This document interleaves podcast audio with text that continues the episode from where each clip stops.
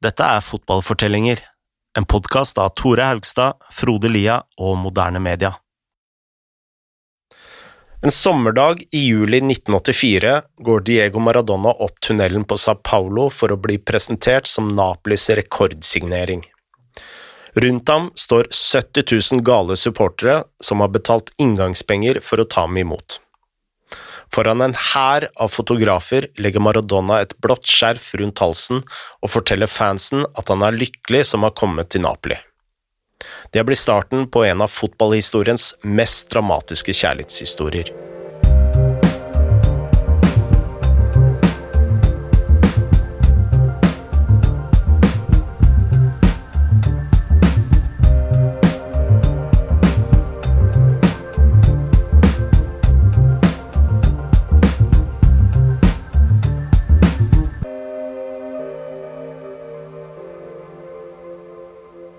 Både Diego Maradona og Napoli hadde ofret eh, mye for å få overgangen fra Barcelona i boks.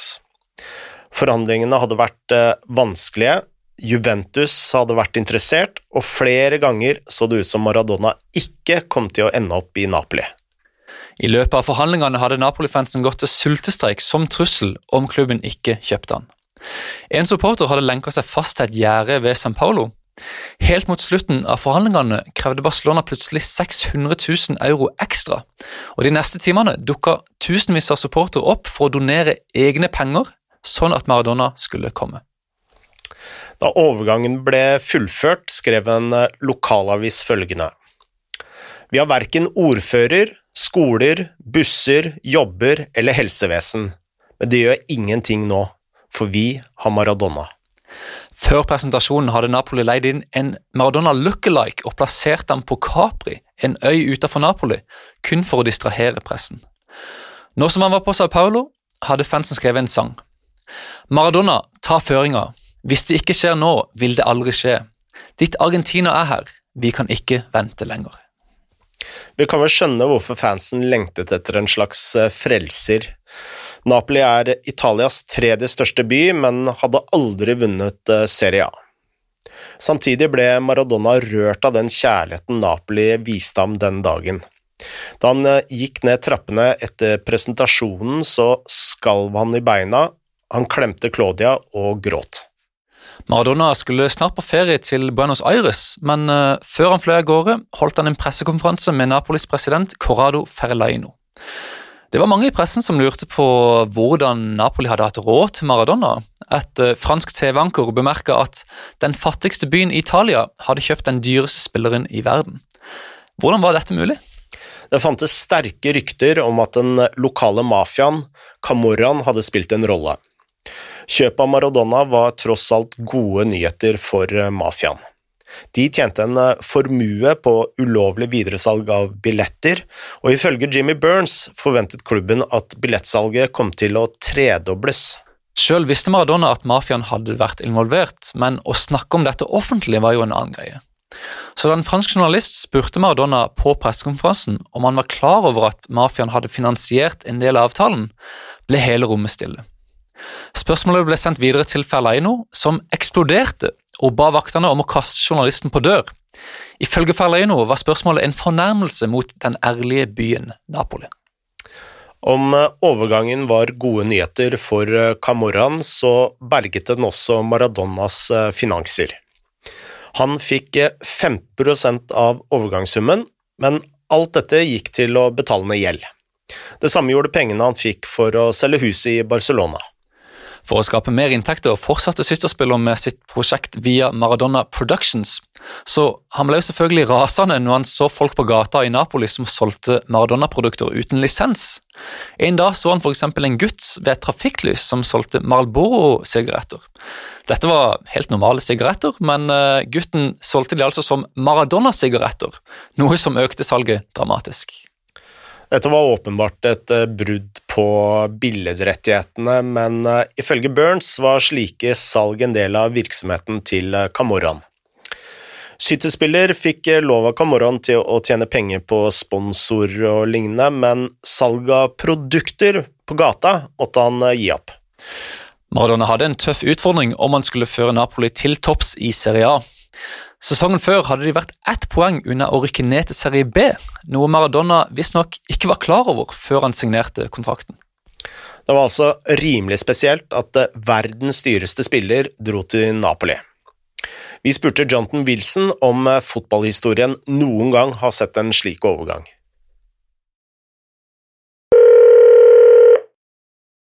Uh, no, it probably doesn't. No, uh, I mean, look, they they had a very bad season the season before, but they it's not quite that he was joy. You know, it's not like he was going to Bournemouth. You know, the, Napoli had never won the league. They were a club with a lot of fans, and they did have. You look at that squad; they did have a reasonable squad. It, it wasn't. Yeah, he, he he wasn't joining up with you know a handful of seventeen-year-olds and some over-the-hill thirty-five-year-olds. You know, it was it was a decent team. He's probably joining, say, the seventh or eighth best squad in Italy. Maradona var venta å løfte Napoli umiddelbart. Hans første kamp var borte mot Verona, et av lagene i nord, hvor det fantes en ny politisk bevegelse som gikk hardt ut mot ja, omtrent hele Sør-Italia. En gruppe politikere raste mot at økonomien i nord skulle subsidiere de fattige strøkene i sør. De anså altså Sør-Italia som en byrde for resten av landet. Disse holdningene gjenspeilet seg i eh, fotballen. Flere i nord anså Napolis eh, pengesløsing uten titler som symbolet på søritaliensk ineffektivitet. Innen Maradonas ankomst eh, hadde alle utenom fire ligatitler gått til lag i nord siden Serie A startet opp i 1929. Det tok kort tid før Maradona merket hatet. Da Napoli løp ut på gresset mot Verona, så de et banner som sa 'Velkommen til Italia'. Maradona følte nå at alle var imot Napoli, noe som fyrte han opp, men i starten eh, gikk det ikke særlig bra. Før jul tok Napoli kun 9 poeng på 13 ligakamper. Dette hadde vært 11 poeng i dag, men, eh, ja, siden seier på den tida ga to poeng, men eh, det var likevel ikke stort å, å skryte av. Det skal sies at Serie A var en av Europas sterkeste ligaer på den tiden. I 1982 til 1990 så gikk åtte av ni gullballer til spillere som spilte der. Men eh, for Maradona var ikke dette noen eh, trøst. Da han eh, fløy til Buenos Aires på vinterferie, var han så flau at han nektet å snakke om Napoli. Heldigvis for Maradona snudde formen til Napoli i januar. De tapte kun én ligakamp til den sesongen. Maradona skårte 14 ligamål, og laget havna på åttendeplass. Men hvem var det som vant tittelen? Jo, det var Verona. Dette gjorde Maradona rasende. Den sommeren storma han inn på kontoret til Fellaino og truet med å dra om han ikke forsterket laget. Maradona sa følgende Kjøp tre eller fire spillere og selg de som fansen buer på, og hvis du nekter, kan du forberede deg på å selge meg, for jeg kommer ikke til å bli her om dette fortsetter. Maradona fikk det som han ønska. Napoli henter forsvareren Alessandro Renica, keeperen Claudia Garella og spissen Bruno Giordano. Sistnevnte ble kun henta fordi han hadde imponert Maradona da Napoli hadde spilt mot Lazio. Da Lazio krevde tre millioner dollar for Giordano, begynte Ferleino å gråte og sa at han ikke hadde råd. Maradona sa bare én ting – få det gjort, gamlefar. Men ikke alt ble som Maradona ville. Samme år ansatte Ferlaino Ottavio Bianchi, en kald og disiplinert eh, trener fra Breccia nord i Italia.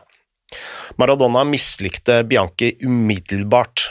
Han uh, syntes han virket mer tysk enn latinsk, noe som kan ha vært en referanse til Udo Lattek, som vi tidligere har snakket om. Og Som Lattek var Bianchi opptatt av fysisk trening, og han nekta å gi stjernene spesialbehandling. Alt dette mislikte Maradona. En gang skal Bianchi ha bedt Maradona om å øve på sklitaklinger. Maradona sa at han kun gikk ned på bakken om han ble felt, da sa Bianchi ok, vel, da kommer, vel, kommer, vi vel til å ha problemer og uenigheter i hele år. Da svarte Maradona ok, vel, da må nok du forlate klubben. Napoli ble langt bedre under Bianchi. De nye spillerne løftet eh, laget, spesielt eh, Giordano, som eh, ga Maradona mer spillerom.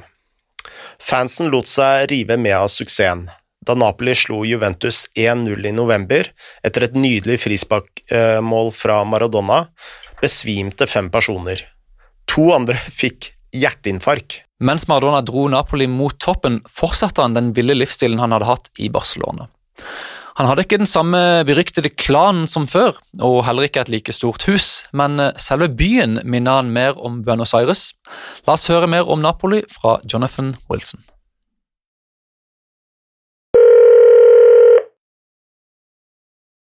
For better or for worse, Naples um, experiences football like no other city. Um, and I think in some ways it is quite a South American city. Uh, I guess in terms of the, the poverty, um, in terms of the dynamic of the city, the, the, the spirit of the city, I can see why Maradona would be uh, excited by that. I can see why that would stimulate him. Um, I can see why his relationship with with those fans uh, was for a time so so close. But also, you know, again, in terms of his emotional stability, probably the worst possible place he could have gone to. You know, a, a, a crazy, crazy city in the grip of the Camorra. I motsetning til Barcelona ga Napoli ham friheten til å leve som han ville. Han sløste penger, festet vilt og fortsatte med kokain.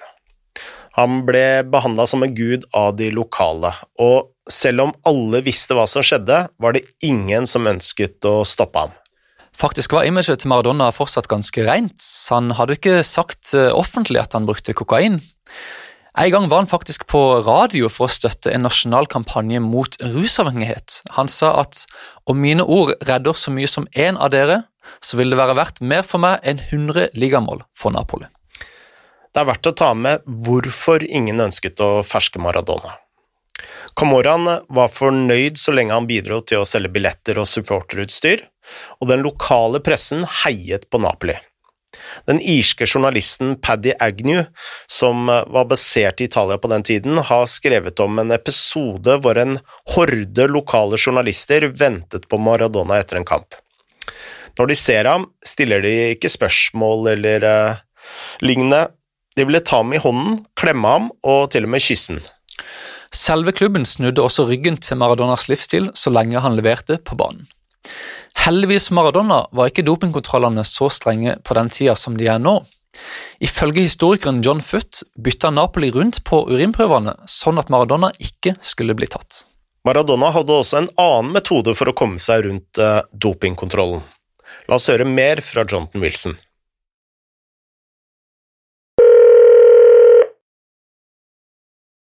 This, yeah, the way, this is the way he got around drug tests at, at, Napoli. Was he had a had a, a plastic penis uh, that was attached to like a um, uh, I don't know, like a bag where, where you fill with somebody else's urine, and you just sort of squeeze it out as a drug test is watching.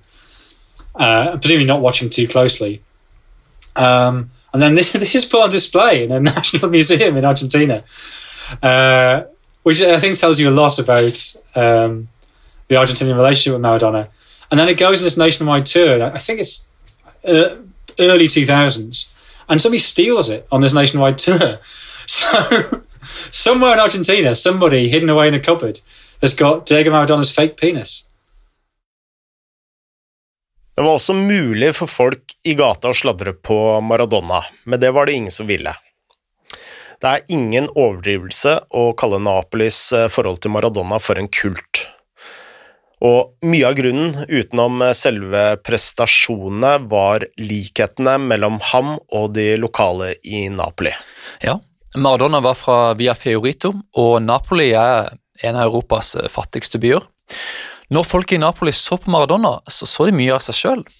Maradona sa også at han ville bli idolet til barna i Napoli, fordi de minner han om han sjøl da han var en liten gutt i Buenos Aires. Folk i Napoli ga ham lignende status som byens skytshelgen San Genaro. Ifølge FUT hadde 86% av tilskuerne på San Paulo sesongbilletter i Maradonas tid. I et nabolag ble 25% av alle nyfødte døpt Diego. Dette gjorde det ikke lett for Maradona i hverdagen. Om han prøvde å kjøpe sko, tok det fem minutter før folk hadde knust butikkvinduet og omfavna han. Hjemme kom han heller ikke ut med bilen fordi folk bare sto utenfor garasjen og bare hang rundt. Um, han måtte hoppe inn i førersetet, fyre opp motoren og sitte klar med girspaken. Så fort døra gikk opp, akselererte Maradona rett inn i folkemengden og bare håpte at de kom til å gi vei. Selv Maradona sa jo at det her var galskap, men uh, om ikke annet så var han jo endelig i en by hvor han virkelig følte seg elska. Fansen laget en berømt sang til Maradona som het Å visto Maradona, altså Jeg har sett Maradona. Og Tore, den går omtrent eh, slik. Å mamma, mamma, mamma, å mamma, mamma, mamma, vet du hvorfor hjertet mitt banker? Jeg har sett Maradona, jeg har sett Maradona, og mamma, jeg er forelska! Nesten noe sånt nå. Fantastisk bra.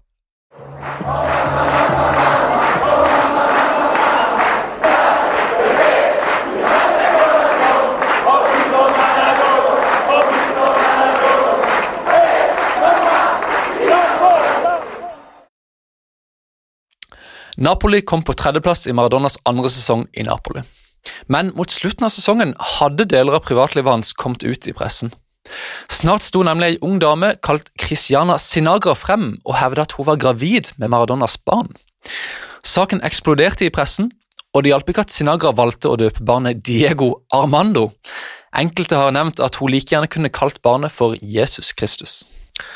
Jimmy Burns skriver at eh, Maradona og Sinagra var eh, forelsket, men at forholdet ble slutt eh, så fort hun ble gravid. Maradona benektet det hele og sa at barnet ikke var hans.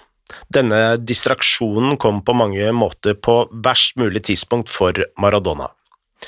Snart dro han nemlig til Mexico for å spille et nytt VM med Argentina.